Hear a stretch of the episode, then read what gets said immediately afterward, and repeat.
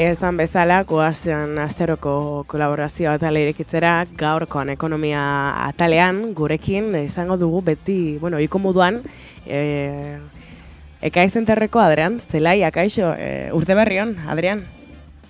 Urte berrion, Leo. Ba, gaurko ez, kurtxo, bueno, kurtz, e, kurtxo ez, urte berri hau gai potolokin hasiko gara, lehenengo arekin hasiko gara, zazki Europa batasunea, batasunean ematen den e, korruptzearen ingoran hasiko zara izketan, ez? Bai, e, azken otana, asko, azken azte du, egun ego, azte hauetan, asko hitz eginda batez be, e, Europako legabiltzarrean, Europako parlamentuan gertatutako ustelkeri kasuain inguruan, bueno, eta asko ez da, ber, zein puntraino ustelkeri, eh, prozesu horiek zabalduta dagozan ala ez Europar eko erakundetan.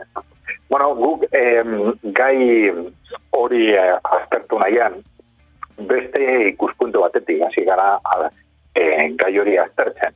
Eta eh, hori guk uste claro, ikuspuntu ekonomikotik bebai aztertzea omen ditala, ez da? Eh, zein zentruan, zer esan nahi dugu horretaz. Pues, azkenian, ekonomia edo politika ekonomikoaren efizientzia oso lotuta dago e, gobernuen kompromisoarekin. Udan gobernuak egitea, egitearekin egin behar duena. E, gobernuak ustelkeriaren ondorio, ba ustelkeri politikoaren ondorio zintzu dire, pues azkenian politikariak arlo batean edo bestean ez dela egiten egin behar duena. Ba, ba erosita dago zalako edo dana dala, pues egiten beste gauza batzu. Hmm. Bueno, ba, eh, e, gure ustez importantia da oso aztertzea epe luzera e, zeintzuk izan diren praktikan. Ba, Europa Rotasuneko politikak nola baita egia estatzeko zen punteraino Europa Rotasuneko politikak ez ja ez da kontua bakarrik egokiak ez egokiak izan diren.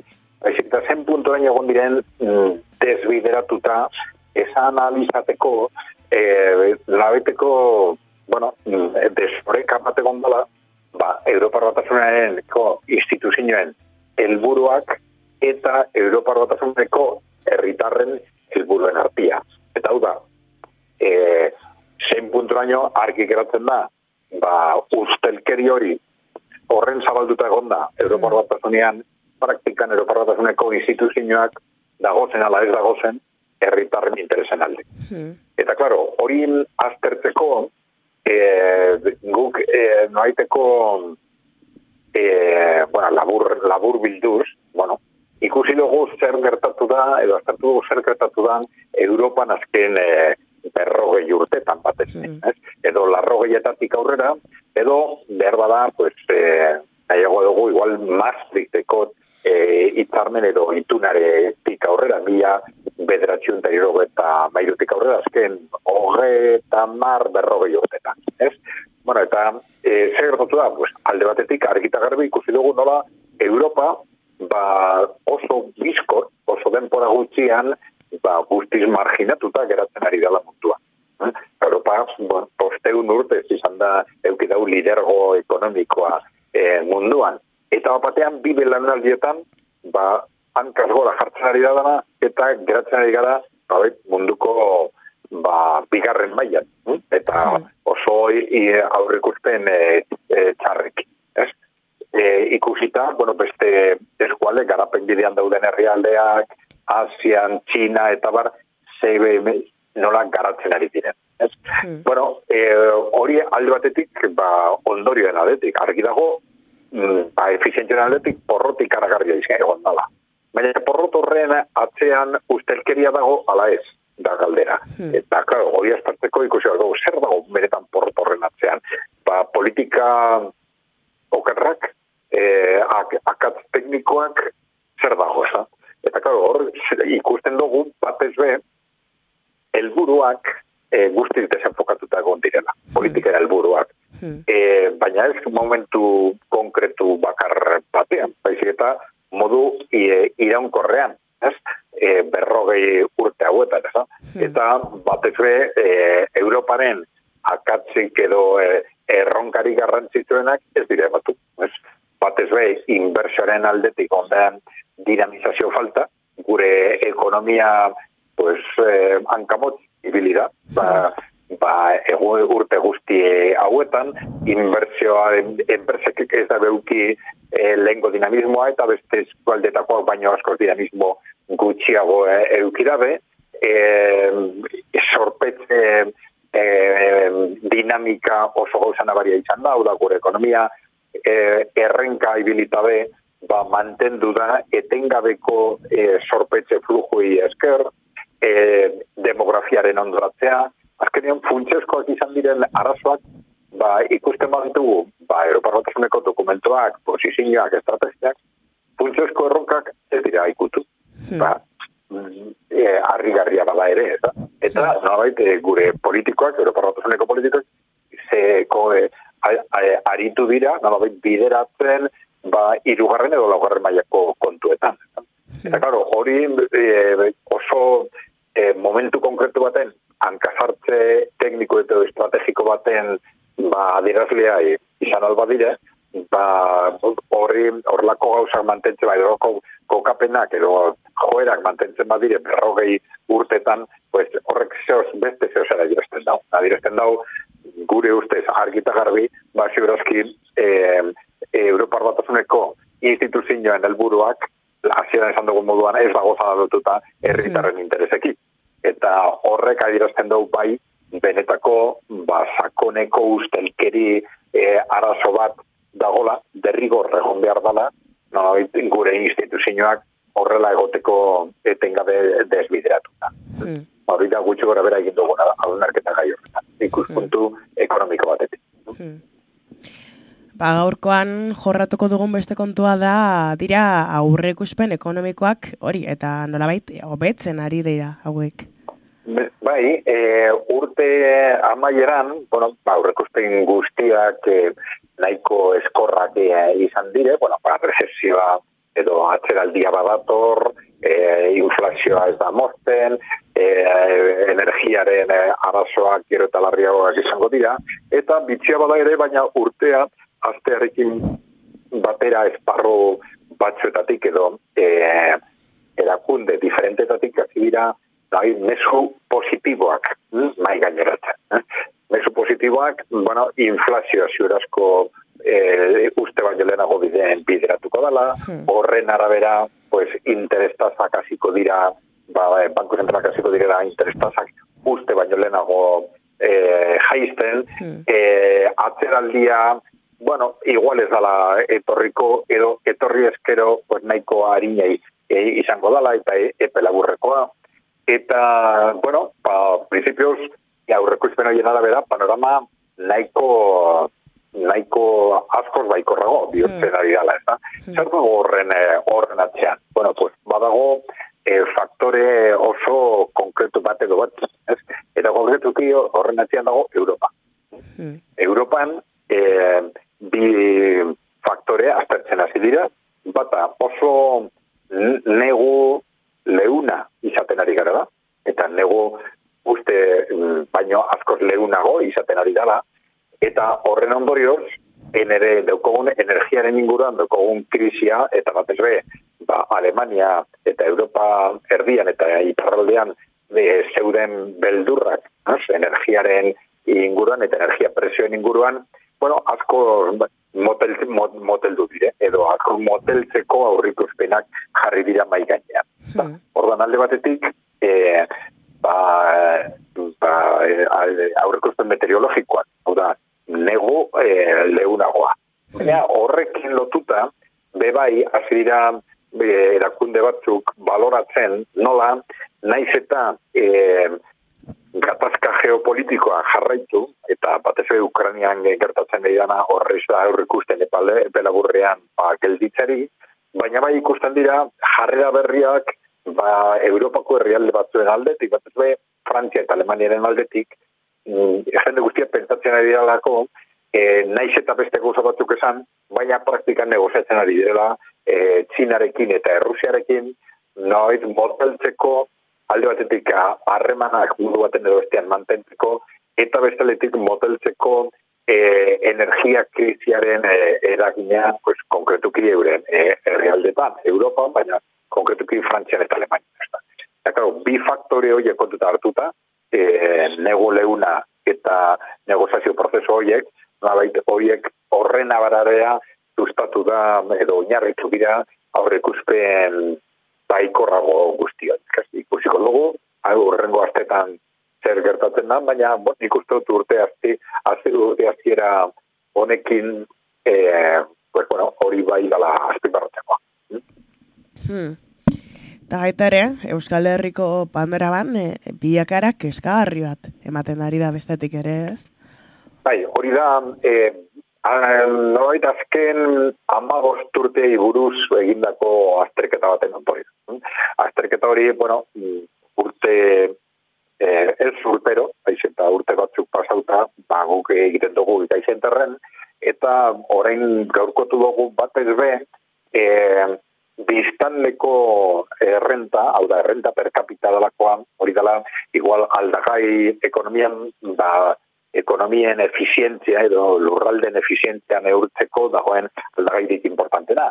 Errenta per capita hori da, biztanleko zenbat e, produzitzen dugun. Edo e, lurraldearen errenta guztia, zati biztanleko purua. Hm? Bueno, ba, horren arabera, ba, Euskal Herriaren bilakaera nahiko positibo izan zan alda, bueno, reforma demokratika edo frankismoren e, ostetik aurrera, eta e, bilia pasortzian, hau da, orduko finantzak edizia aurretik, ba, Europako bat bestiarekin konparatuta, ba, e, Euskadiko erkidego autonomoa zegoen e, da, oso ondo kokatuta, e, euneko eun da hogeta marrean. Hm? Hau da, hogeta marrege, euneko hogeta marrean gainetik. Eh? Europako bataz bestiarekin. Eta Nafarroa euneko e, eun da hogeta zei. Hm? Euneko egun da hogeta zeia. Bueno, baina zer gertatu da ordutek aurrera? Ba, ordutek aurrera gertatu dena oso oso keskagarria izan da. Ze, ama bosturtetan, ungara e, posizioa galtzen e, Europarekin konparatuta, baina oso oso modu nabarian. Gutxi berbera ama bost punto galtuta. Hm?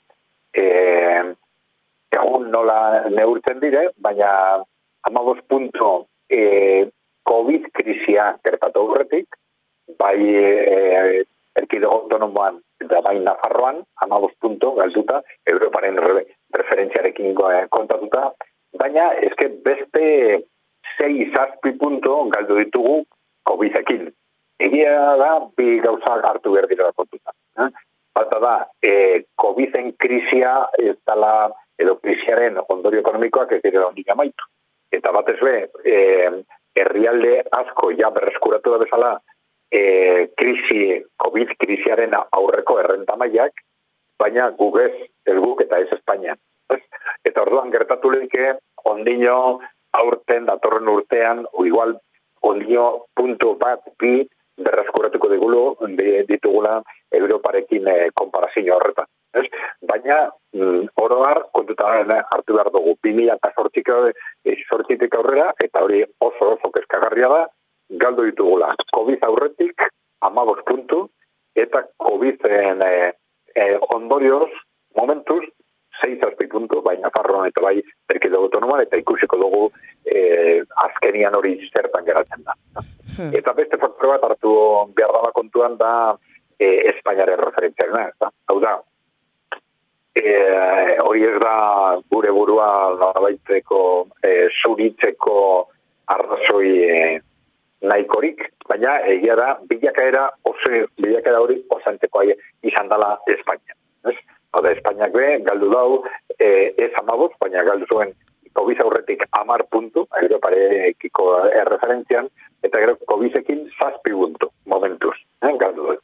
E, bueno, e, hori da, onda estartu beharreko referentzia bat, ez bakarrik Espainia, bez eta Grecia, Italia, Portugal, hau da, Europako periferiako horren eh, herrialdeak guztiak galdu dabez Europarekin ba, errenta mailan, baina ondo aztertu behar dugu zergatik guk kokatu gara alde ekonomikoki esparru horretan, zergatik gu galdu dugu e, e, posizio horiek, eta azkenian ez dugu aztu behar Europaren bilakaera, beraz, oso bilakaera eskorra izan dela. Hora, oso bilakaera ba, munduarekin konparatuta, Bilakaera nahiko eskorra izan dela, eta Europaren bilakaerarekin konparatuta, ba, gu galdu ditugu, hori amabosto gehi puntu, puntu Galdera, hau da, e, ikuspuntu komparatibo batetik, gure gure bilakaera oso e, ekonomikoa urte oso oso eskorra izan da. Bota, botatzen zenun, barkatu nagoela, estularekin, noizoenka, hori, e, bota, bota oso esaldi bat dela, dauela asko ikasteko, baina ez, Madriltik ez? Bai, e, hori zergatik esaten ari gara. Ba, ba, bat ez mundu, e, Euskal Herriko mundu empresarialean, ba, azken hilabeteotan, ba, egon direla mugimendu batzuk, ba, bai talde batetik aproetatzen, bueno, ze, Euskal Ekonomiaren bilakaeran egon diren arazo batzuk, eta bestetik, pues, modan jarri dala noa behit, e, Madrilgo autonomiaren e, ekonomian, pues, lortu diren lortu diren arrakastak eta barrez. Eta no baita esaten, bueno, pues Euskal Herriak igual ikasi behar dau Madrilen egin eginakoa eta hori lotzen da batez be zergekin. No, hau da, zergak ikiago geku denik eta barrez. Bueno, baina guk izarekin dugu, bueno, konparatzea, ba, le, orain artea ipatu dugun e, Euskal Herriaren bilakaera eta Madrileko bilakaera. Eta ikusi dugu, argita garbi, ba, errenta per capitan, hau da, pilakaeran funtsezkoa den e, e, aldagairik, e, horretan, aldagai horretan, e, e, bilakera osantzeko izan dara. Madrilgoa eta Euskal Herriarena, bai Nafarroa eta bai e, ekido autonomoarena. Hmm. Eta diferentziak nun dagoz, ba, oroar, produkzio orokorra. Hau da, ez per capita baizik eta, oroar Madrilen produkzioak eh, ahonditu da, ba, Euskal Herria dena, baino gehiago. Baina zergaten onditu da gehiago, pues biztan gehiago dut zanako. Eta baina, karo, herrialde baten efizientzia ekonomikoa ez da neurtzen gehiago produzitzegatik, baizik eta biztanleko gehiago? Orduan, di diferentzia non dago, pues, Marilen e, biztanle gehiago dago zala, hori da kontuan. Ez efizientzia ahondiago dago. Eta horrezagatik azkenian digo, bueno, egia da, gure ekonomiaren bilakaera ez da bateria positiboa, asko ikasi behar dugu, baina ez matiretik. Hmm. Azkenengo garko konta izango zen, hori, azalarazio prozesuak aurrea jarraitzen duela, ez? Bai, azalarizazio edo soldatapekotze prozesua, ez da? Hmm, hori da. Soldatapekotze prozesua esaten dugu guk batzutan, hori mm, urte batzuk pasauta, ja e, aztertu dugu berriro, eta horre egiaztatu da, pues aurrekoetan esaten gendu, hau da, e, e, soldatapeko kontratuetan, e, e, bueno, soldatapekoen e, kopurua ekonomian gero eta ondiagoa dala. Hm? Hau da, e, langileen movimendua sortzen dan garaian, eneritxikarren mendiaren amaieran, eta pues, eh, langileen kopuruan, ekonomian, ba, lurralde industrialetan bebai, pues, euneko gehi, euneko geta marzala. Baina, zer gertatzen da, ba, ekonomi, merkatu ekonomiaren dinamika gatik berez, ba, enpresen konzentrazioaren ondorioz, gero eta autonomo gutxiago dagoz, enpresa gero eta eh, haundiagoak dira, eta enpres, eh, beraz, sol, enpresa horietan lan egiten duten langileen kopuruak gero eta gehiago. Eh? Orduan, e, in praktikan be, e, eskulana aztertuta, gero eta soldatapeko langile gehiago dagoz, gero eta autonomo gutxiago eta gero eta enpresari gutxiago. Eh? Eta e, azken urtetako e, pilakaeran ikusten dugu Euskal Herrian be, pues, e, gauza bera, gerde, jarraitu da gertatzen, ez da? Oin, bini eta amabosteko datuak ikusita, ba, langileak, soldatapeko langileen langilea ziren ekonomian enoko larrogota boz, eta orain ja 2000 eta emeretzean, COVID aurretik, eh, COVID ja eh, datuak asko eraldatzen dira, eta ba, beste faktoren gatik, eta orduan eh, berraztertu beharko dugu ja COVID eh, nerakina guztiz eh, gaindituta, eta baina 2000 eta emeretzean, euneko larrogeta bost hori, hori ja euneko larrogeta zazpiko malau, bihurtuta zegoen. Hmm. Eta Nafarroan, e, jarraitzen dau euneko largo eta lagoan zegoen eta euneko largo eta e, bostean dagoen. Hmm. Mm, segun ze urte hartzen dugun referentzia moduan, baina bueno, mila eta bostean hor saltu, jauzi bat gertatu zen Nafarroan, bi mila eta bostetik, bi mila eta mazeira, no, bi mila eta ma bost, e, euneko larro eta, larro eta bizan, baina bueno, kontu da, horren hori e, kokatu deneko larro eta bostean e, mila eta emeretzean. Eh? Horda, ikusten dut prozesua jarraitzen dago, eta e, etorkizunera begira zer gertatuko da, ba, ematen dago prozesu horrek jarraituko duela. Ikusten baitugu, e, Europako eskualde industrialak, adibidez, eskualde industrial e, aurreratuak, guk austartu ditugu konkretuki Alemaniako ba, bost, bost e, eskualde aurreratuenak, ba, hor ikusten dugu, e, soldatapeko langileen izua dala ba, uneko largo eta amar kasu batean, largo eta mabi, largo eta malau, largo eta mairu. Eh? Eta gainontzeko zazpia zer dira, pues, gutxi gara bera, eguneko post e, e, autonomoak eta eguneko bi e, enpresaria. Eh? Sol, langileak dituzten enpresariak. Bueno, orduan, soldatapeko prozeso hori oso importante da kontuta hartzea, ze horrene ondorio ekonomikoak, soziologikoak, baita politikoak ere, garrantzitsuak dire, eta oso importante da, dano kontestu horretan eh, onduko batzera.